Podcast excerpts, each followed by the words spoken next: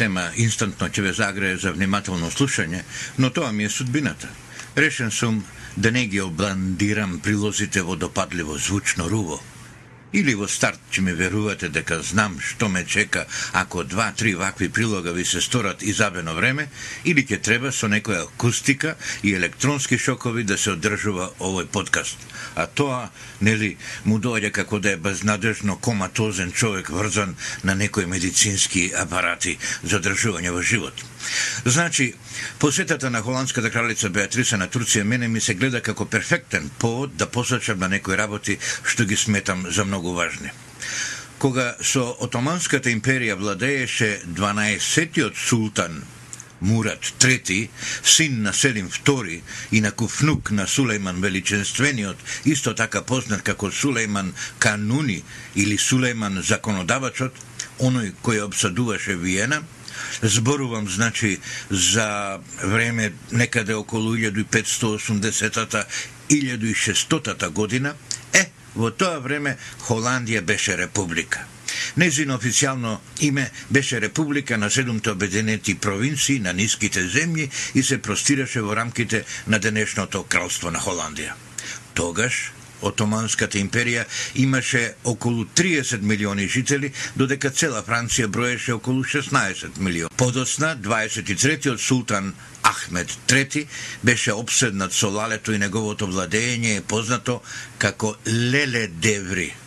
Леле на турски е лале, што слободно се преведува како тулипанска или ера на лалето. Сега, Не треба да зборувам колку многу се изменети работите. Колку во однос на лалето, режаното цвеќе и така натаму, колку за републиката и за монархијата. Меѓутоа, заклучокот од приведените примери можете сами тако сакате да го изведете. Она што беше супермоќна империја, сега е република на која и се дрчи еден малечок Кипар, а она што беше република на ниските земји, сега е малечко кралство, кое сите го респектираат без оглед што има еден грст абсурдни закони, убиство од милосрдие, бракови на хомосексуалци, меки други во слободна продажба и така натаму, закони неприфатливи за останатиот свет. Може само да се надевам, иако не верувам во тоа, дека медиумите во Македонија ќе ја покријат оваа посета на кралицата Беатриса на Турција, така што да се види колку многу труд, колку многу грижа е внесен во овие четири дена протокол низ Анкара, Истанбул и Кајсери, а Кајсери е некогашна Цесареа, омилен град на императорот Тиберие. Кајсери се наоѓа во срцето на она апсолутно нестварна провинција Кападокија, која пак е вистинскиот епицентар на Анадолија, регија на едно пребогато ранохристијанско минато. Дипломиран правник по струка, кралицата има многу широко образование и во историјата на уметноста и класичната литература, а, и дополнителни студии а, има завршено со многу други предмети. Меѓутоа јасно е дека таа не е појдена да тепа нозени за Надолија и да ги разгледува фреските и архитектурата на подземните градови околу Ѓореме. Придружувана од најстариот син, принцот престолонаследник Вилем Александар и неговата бремена, во седми месец а мислам дека е всушност влезена во осми, со трето дете. Принцесата Максима а, ја следи својата свекарва, сака да покаже максимално внимание спрема домаќините со тоа што носи и овака, значи благословена снаа со себе. Мислам дека ова разграната посета на кралицата Бетриса на Турција има за цел да интонира нова мелодија која официјален хаг сака да ја лансира спрема цела Европа. До недавнешниот министер за надворешни работи на Холандија Бен Бот нагласи дека посетата е устроена не само како акцент врз близу 400 години пријателски дипломатски односи меѓу двете земји, туку како настојување да се развее фамата дека Холандија не го поддржува настојувањето на Турција да стане земја членка на Европската Унија. Ова звучи уверливо. Никој не би се смелувал да ја внесува кралицата Беатриса во некоја а, шеговна дипломатска игра. Таа Беатриса не е само далеку помоќна од а, другите европски суверени. Таа е многу енергична во дневната политика, а може да покаже дека не е монета за подкусурување. Во Холандија живеат 500.000 турци. За 39 годишната Небахат Албайрак, која има двојно државјанство, и холандско и турско, од пред некој ден е и министер за имиграциона политика. Па сакам да кажам дека тоа полумилионско турско малцинство во Холандија е значено и на овој план. Инаку, Турција е четврти по ренг во европски трговски партнер на Холандија. Заминувајќи од функцијата, поранешниот министер на дворешни работи Бен Бот рече Јас секогаш инсистирав дека Турција мора да биде И тоа точно, со тие зборови, мора да биде членка на Европската Унија и да дека не зиното членство, пардон, е во интерес на целиот блок. Бот заклучи дека муслиманите во Холандија се, во Холандија се мирни и умерени луѓе и дека не му припаѓаат на религиозниот фундаментализам.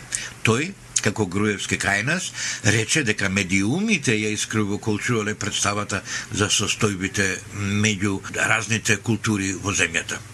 По повод на ова посета се јави и Герт Мак, еден од најпопуларните холандски писатели и журналисти.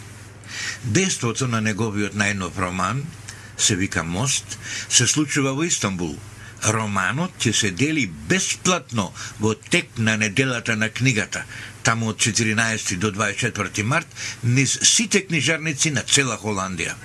Авторот Герт Мак неделава рече, еве го цитатот, Не само што Европа е потребна на Турција, туку Турција е потребна на Европа. Ако го заборавиме тоа, ако ја баталиме Турција, тогаш ќе настане вистински пекол за, за нас во Европа. Апропо книгата на Герт Мак, ќе кажам дека и јас, мојата маленкост, напишав една книга за Турција, прва таква кај нас во Македонија, е неја во книжениците на култура. Меѓутоа, нема никаква шанса некој да се заинтересира, барем да им ја дотури на универзитетските библиотеки во Истанбул, каде толку многу турски студенти учат македонски јазик. Но, ниту ние сме Холандија, така богати мислам, ниту пак јас сум влијателен како Герт Мак, да најдам некаков важен спонзор да го стори тоа. Целава сторија околу официјалната државна посета на кралицата Беатриса на Турција во контекст на изјавите пред поаѓањето, контекст на огромниот публицитет во медиумите, 40 новинарски екипи кои го следат секој чекар на кралицата и незината придружба, ми се само повод да кажам дека или оној Оли Рен ништо ама буквално ништо не научил од високата политика или јас немам абер што значи онаа поговорка дека кралскиот збор не се повлекува. Па нема цела Холандија да го пушти тој чиновник од Брисел да ја потура со црвен пипер оваа нивна кралица. Таа е најпопуларна од сите кралици последни стотина години. Новава коалиција ја батали најпопуларната политичка партија од владеачка комбинација, меѓу другото и затоа што тие рекоа дека биле против членство на Турција во Европската Унија. Така ли? Е, ајде седите си во опозиција, господа. Ама сте оствариле најголем пораст на недавнешните избори. Ама имате 25 места во парламентот. Па што тоа? Во коалиција влезе партија со 9 места. Како кај нас, ајде Ахмети и надбор, повелете за три джафери внатре во власта и никому ништо. Меѓутоа, јас сакам да ви кажам уште една друга работа. Минатата недела, овде, во соседството, таму бев јас, во Германија, Кодолеца Рајс, во средба со представници на турските асоциации рече дека таа лично работи деноночно, дека напросто не спие за да ги убеди европските лидери во полза на членство на Турција во Унијата. И ќе цитирам како е она е, пренесена во јавноста. Јас пред секој важен европски самит на полноќ им телефонирам на шефовите на европските држави и влади за да ги убедувам во полза на турското членство во Европската Унија. Така рекла Кодолеца. Од извештаите се гледа дека Кодолеца не му телефонирала на оној Оли Рен или на Баросо, туку ги буди од најсладок сон вистинските фактори во одлучувањето околу проширувањето на Европската Унија Јас имам чувство дека господјата Гилијан Миловановиќ и незината а, колешка екселенција или што и следува веќе во НАТО не се баш во дослух со коделеца Рајс кога е Македонија во прашање. Може би и да не сум цели 102 од 100 во право, но мислам дека Николас Бернс, каде и да е, наскоро ќе каже како Вашингтон на вистина гледа на нашиот пат до Европската Унија. Турција и незиниот купен однос према сите притисоци, за кои бевме сведоци последниве 5-6 месеци, може да ни бидат поука дека парламентот, нашето собрание, треба само да ги респектира законите што произлегуваат од Уставот, со кој е остварен нашиот кандидатски статус во чекалната на Европската Унија. Турција и Реджеп Тају Пердоган ни се убав пример за тоа. И јаша сам не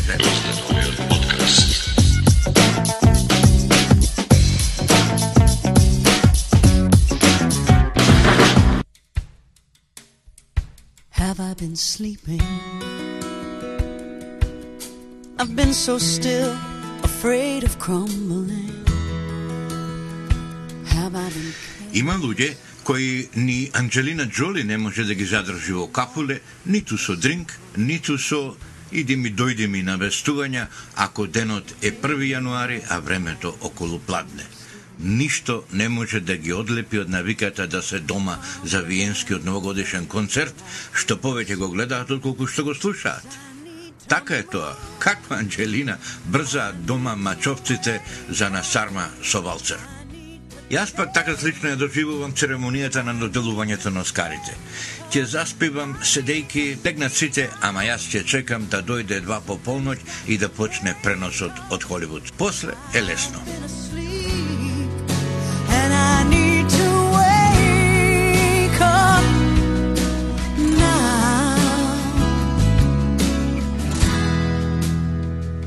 and as a child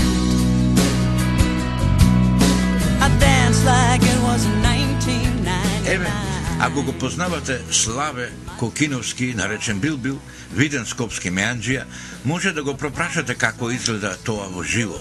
Беше човекот еднаш на церемонијата во Кодаковиот биоскоп во Холивуд. Зборуваше за таа работа и за неговото о, искуство на МРТВ. Секогаш има убава нова верзија за тој настан.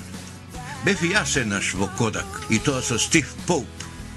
Тоа е Стево Поповски од Крабари, наш статист-артист, кој има играно покрај Карингтон и Змијата Алексис. Тогаш, кога бев со него на кино, немаше делење Оскари, туку се даваше некој филм каде Стив Поп се мерна едно, две, три секунди на платното. Тој, а, наш а, артист од Крабари и е холивудска македонска легенда, а има и вистинска членска карта подпишана од починатиот председател на Соединените Американски држави Роналд Реган.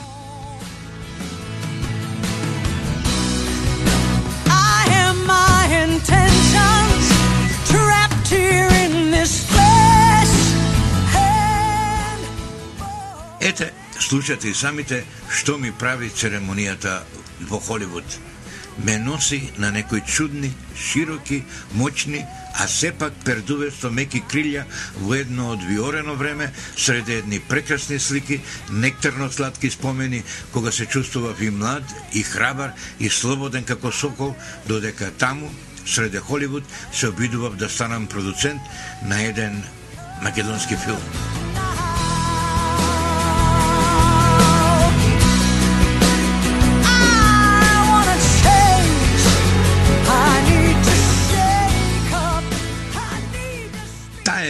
Имаше убиствен наслов.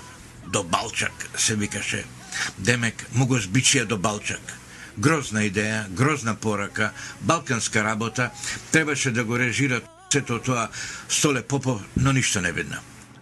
Поминаа некои 20 години од тоа моје холивудско искуство, кога одев во самопослуга да купувам храна заедно со Джоан Симонс и да клинкам мраз со вискито покрај Ричард Гирк. Сега Завчера го гледам Мартин Скросези, ги гледам сите оние легенди на седмата уметност како стануваат, како со леснотија изразуваат почет. Никој не се тегави. Гледам како Джордж Лукас, Стивен Спилберг и Френсис Форд Копола, тројцата заедно му го предаваат Оскарот.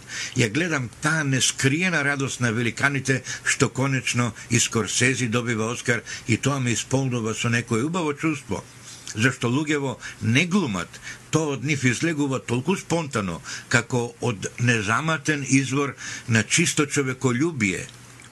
Тоа е израз на почит спрема колегата, спрема креаторот, спрема неговото дело.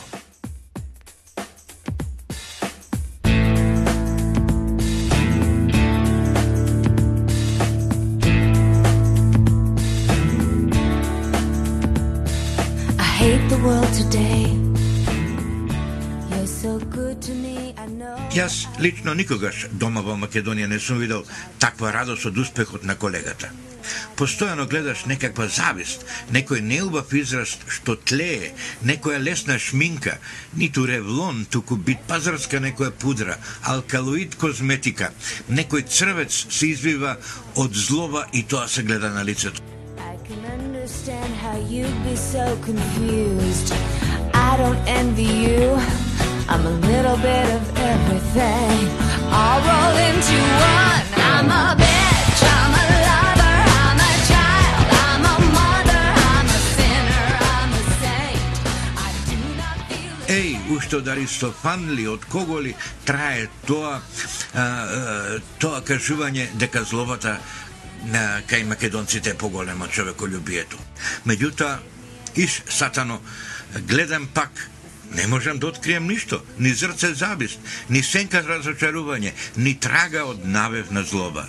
Не знам за вас, но мене, заради сето ова што го кажав, поделбата на Оскарите ми е вистински празник. Дури и тогаш, кога Питер Отул ќе остане без признание за конкретна улога. Ова беше за денес. Оскарот за оригинална мелодија компонирана за филм го освои лесбејката Мелиса Етерич со песната Треба да се освестам, што ја слушавте на почетокот на прилогов, а е дел од документарецот на Ал Гор за глобалното затоплување на планетата. Исто и тој филм освои Оскар. Прилогот завршува со незината позната Јас сум кучка.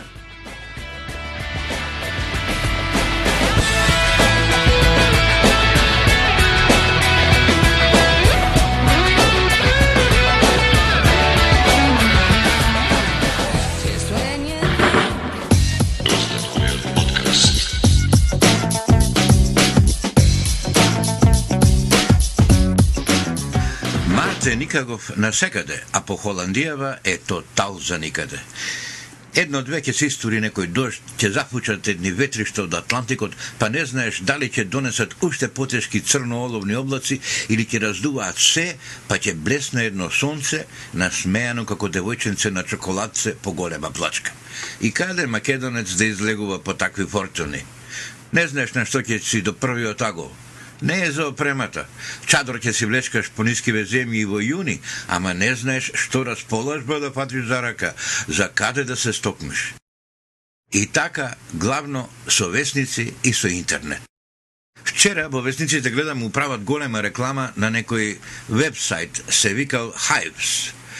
Може да го отворите www.hives.nl На англиски е. Не се тревожите ако ви остане незапишано. На крајот ќе ве подсетам за тоа одново и ќе ве предупредам да земете а, молив и хартија да запишете ако сакате. Значи, hives.nl е најголем друштвен веб портал на нискиве земји и многу интересен. Напакување со гаджети. Весел. Сакаш цепи англиски таму, сакаш холандски, сакаш македонски, нема врска, зашто е компониран како пчеларник. Низ порталот пчеларници колку сакаш. Во секој пчеларник башка муабет. Пчели рој, ама секоја си оди кон својот хајв. Јас жив срам ме јаде, морам да ви признам, не умеам да најдам соодветен македонски збор за англискиот хајв.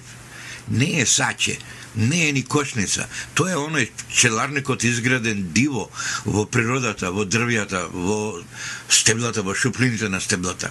Сега, Кога ќе се регистрира човек во порталот hives.nl, може, ако сака, преку својата мобилка да види каде му се разлетани пријателите од пчеларникот. Со други зборови, притисни неколку бројки на мобилниот и ете ќе се појават точкичиња. Гледаш како она на ѓокто се движи покрај Вардар, она на Радмила закотвено во собрание, а две други точки чиња, залепени, едно 20 метри за првиот паркинг надводно. Веднаш ти е јасно кој со кого е и каде е. После можеш да се правиш над Пинкертон или мити Шерлок Холмс, ама тоа е посебна тема сега да бидеме а, до крај а, отворени, само оној кој што сака да се види каде е, допушта пријателите да му ја откријат локацијата. Холандскиот hype.nl има 3 милиони членови, од кои два се локални, а цел еден милион луѓе се од други земји. Меѓу нив има и еден наш пчеларник.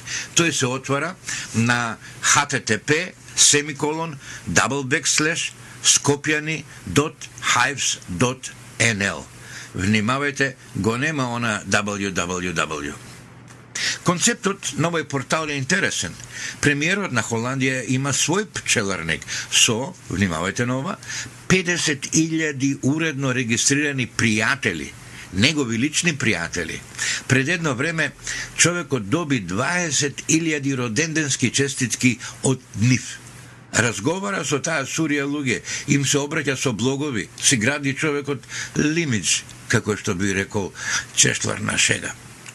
Не ова портал за политичко препукување и спомнување мајки и шајки во заморни, вулгарни реплики на шарено обоени македонци кои час мразат се грчко, па час ќе им се навратат на шиптарите, па на бугарите на утро и на вечер, а чатора патара и на своите србомани. Овде луѓето се прашуваат за збивања, се дозборуваат за излегување, за скитања, си препорачуваат музика, видеоклипови, разменуваат фотки, обични, дневни теми, да ти е мерак кој ќе видиш таква здодевна содржина на животот, без онаа изненадувачка балканска драматика и непредвидливост, без осила и без болни отоци. Пчелите умираат, тоа го знаете, кога ќе им остане силото во оне што го нападнале, ако се не предпазливи, јасно. Затоа и го пуштаат осилото само од немајкаде, кога се бранат од смртна опасност. Не ги гибај, ќе ти лазат по раката. Затоа и си реков да ве поттикнам на размисла да се вселите во еден таков хајв или пчеларник. Еве, обидете се со Скопска тајпа. Адресата е, да повторам уште еднаш, http семиколон double backslash skopjani.hives.nl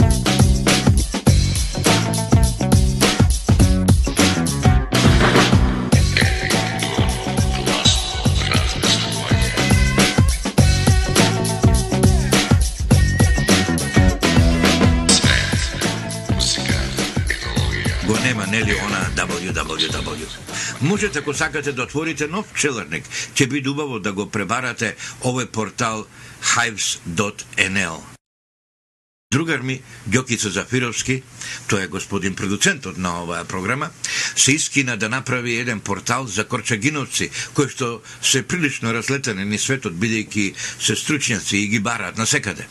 Меѓутоа, не може Ѓокица самиот да го посетува дневно тој свој сајт. Сака оние силни генерации корчагиновци да го прифатат и да си муабетат, да разменуваат теми од Канада и од Македонија, од Австралија и Германија, од целиот широкубав свет, низ кои се распрснати во различни функции и со различни животни приказни.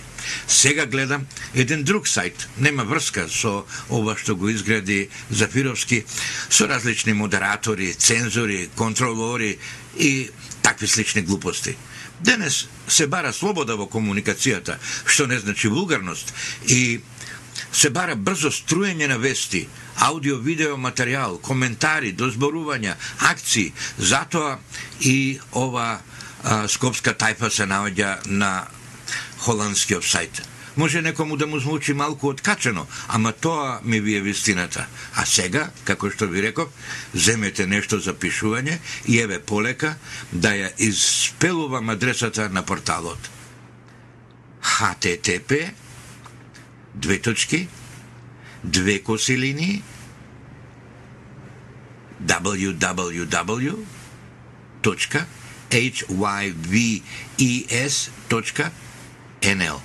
Просто. Толку за денес. До слушање.